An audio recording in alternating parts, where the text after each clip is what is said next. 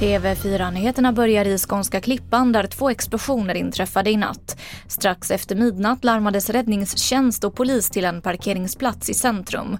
Och kort därefter hördes ytterligare en explosion omkring 100 meter därifrån vid en pizzeria. Och ingen har rapporterats skadad. Igår kväll lämnade paramilitära Wagnergruppen staden Rostov i sydvästra Ryssland. Mindre än ett dygn efter att Jevegniv Prigozjins trupper tog kontroll över staden och inledde sitt fälttåg mot Moskva. Prigozjin går i exil i Belarus och Wagnersoldaterna ska åter sättas in vid fronten i Ukraina. Och så kan vi berätta att i många kommuner väntar stora besparingar framöver på grund av det ekonomiska läget. I en kartläggning som vi gjort så svarar över hälften av de styrande politikerna att det väntar neddragningar i höst.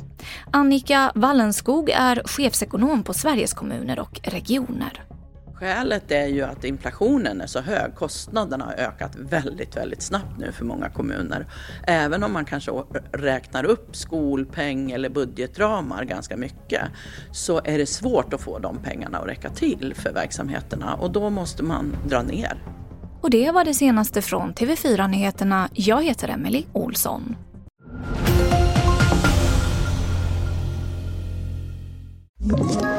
Ett poddtips från Podplay. I podden Något Kaiko garanterar östgötarna Brutti och jag, Davva, dig en stor dos skratt. Där följer jag pladask för köttätandet igen. Man är lite som en jävla vampyr. Man har fått lite blodsmak och då måste man ha mer. Udda spaningar, fängslande anekdoter och en och annan arg rant.